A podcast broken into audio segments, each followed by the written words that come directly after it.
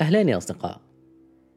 حياكم الله في بودكاست بدر الحمود بداية أعتذر على كسلي بالمواصلة في بث الحلقات.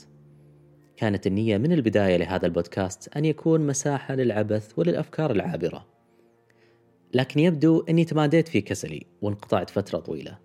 لأجل ذلك بحاول أرجع للبودكاست بتبسيط محتواه قدر الإمكان.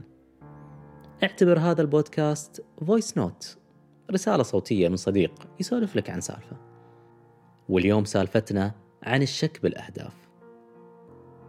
اليوم هو اليوم الثاني بالسنة 2 يناير 2019 وفي بداية كل عام عادة ما نتحمس ونضع ونكتب العديد من الأهداف اللي بنحققها خلال هذا العام. ورسم الأهداف وتحقيقها أمر جيد ولا خلاف حوله. بس خلونا نرجع الخطوتين ورا. قبل لا نكتب أهدافنا لهذا العام. لأن غالبا بتكون مثل كل عام. نكتبها ولا يتحقق شيء. وتصبح مثل الثقل على ظهورنا. نحمله طيلة العام. لا إحنا حققناها ولا تخففنا من هذا الحمل. والنتيجة إحباط لا أكثر.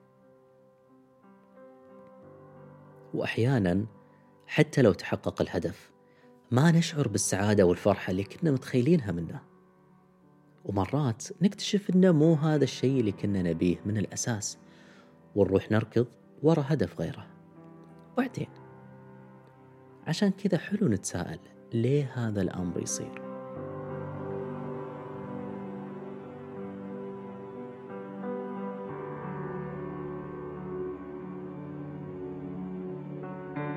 بشكل شخصي ما أحب نعامل الحياة مثل ما نعامل إدارة الشركة أو المنظمة.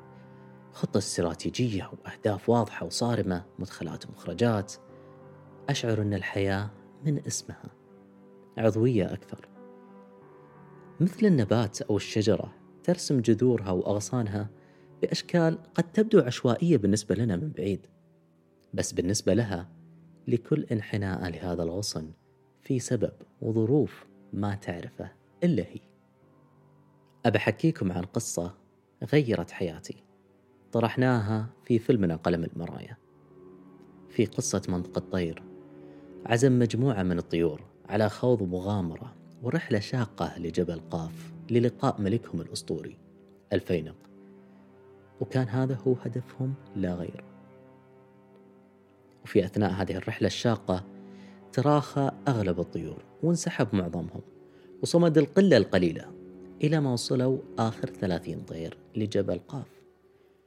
وكانت الخيبة. أنهم ما لقوا الفينق.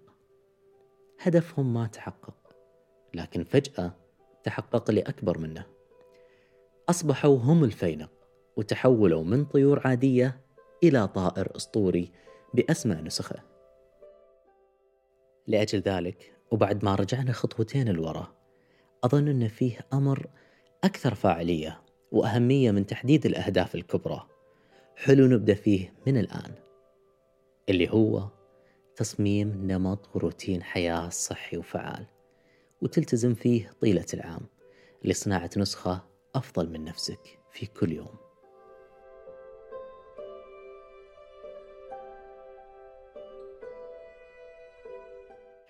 الإنسان كعقل وجسد وطموح ما له حدود والأهداف في بعض الأحيان تؤطر طموحنا وتخلينا نرضى بأقرب سقف وهمي نصل له. الروتين الصحي والفعال باختصار أقدر أختصره بكلمتين التغذية والقوة. تغذية العقل يوميا بالمعرفة والعلم وتغذية الجسد بالطعام الصحي أو النظيف على الأقل. نجي للقوة. تقوية الجسد بالرياضة والحركة وتقوية الروح بتحسين الصحة النفسية وجودة الحياة بشكل عام. طيب وش هو الروتين المثالي اللي يحقق لك كل هذه الأمور؟ ما حد راح يعرفه. ويصمم لك روتينك المثالي غيرك. ما حد يعرفك أكثر من نفسك. تذكر الشجرة. وأفضل شيء أنك تبدأ بتصميم روتين سهل وبسيط وتبدأ تزيد الجرعات فيه كل فترة. تلميحة بسيطة. ابدأ بأكثر شيء إنساني وذو أهمية قصوى. وش هو تتوقعون؟ الحركة؟ الأكل؟ لا. النوم.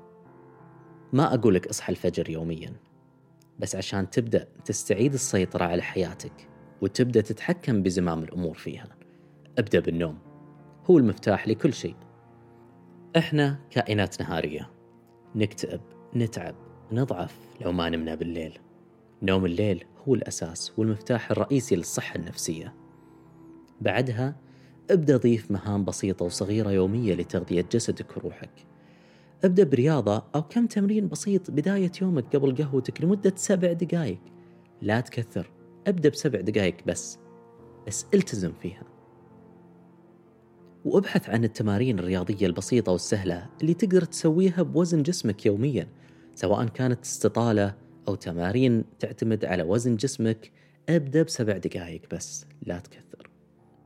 المشي. من أعظم الأنشطة الإنسانية اللي بتحسن كل جوانب حياتك بدون أي مبالغة. ابدأ بنص ساعة ساعة على الأقل يوميا. العقل. اقرأ صفحتين يوميا أو اسمع بودكاست أو شاهد فيديوهات ثقافية مفيدة لأي محتوى مفيد أنت يهمك. غذي هذا العقل الجميل باللي يستحقه من فكر ومعرفة.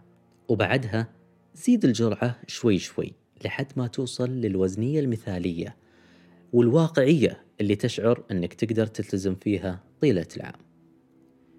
ومع المعرفة وتوسع اطلاعك أنت هنا بتكون لماح أكثر بالتعرف على مهارات جديدة تقدر تضيفها لحياتك. ومجالات رائعة وملهمة وفعالة تقدر أنت تتوسع فيها أكثر وتكون خبير فيها وتطور نفسك فيها. وباختصار أنت هنا راح تصنع نسخة أفضل من نفسك في كل يوم. وبتقارن نفسك مع نسختك بالأمس مو مع غيرك. وإيش راح يصير لما تصنع نسخة أفضل من نفسك؟ أشياء كثيرة عظيمة بتصير منها. جودة حياتك راح تتطور. صحتك النفسية راح تتحسن. الصحة النفسية أمر مكتسب. تحتاج جهد ألم وعرق وحب. التزام. ما هي هبة أو حظ ينزل من السماء. وإذا تحسنت صحتك النفسية بتصير أكثر فاعلية بإنجاز المهام وأكثر مناعة ومرونة وقوة في مواجهة عواصف الأقدار. وش راح يصير أيضا؟ وعيك راح يتطور وبتصير أكثر قدرة على فهم نفسك وفهم هذه الحياة أكثر كيف تشتغل؟ وهنا بتكون أكثر قدرة وذكاء على تحديد الأهداف الأنسب لك والأنسب لظروفك. ولما تركز على صناعة روتين صحي وفعال في شيء عظيم بيصير أيضا. بيئتك راح تتحسن شبكة علاقاتك الصحية راح تتوسع وراح تزيد فرصة لقائك بشخصيات مثلك جالسة تسلك نفس الطريق النظيف اللي أنت فيه. ناس جادة قاعدة تشتغل على نفسها وراح تكون مشغول عن الناس السامين وتقلل جلستك معهم لأنك مشغول بتطوير نفسك ومشغول أيضا عن الميديا السامة. من أخبار وأحداث مالك دخل فيها ولا راح تتقاطع مع واقعك. باختصار بتكون مشغول في صناعة واقعك والتركيز فيه ولا تخلي غيرك يصنعه على مزاجه. في هذا العام انسى الأهداف الكبيرة شوي وابدأ بإطلاق نية طيبة وصمم روتين صحي وفعال يصنع منك نسخة أفضل كل يوم. وهذا اللي بيساعدك في رسم أهداف أدق وأكثر واقعية للوصول لهذه النية. اعتبر الروتين مثل الأجنحة اللي بتحلق فيها للوصول إلى جبل قاف. وهناك راح تتحقق المعجزات.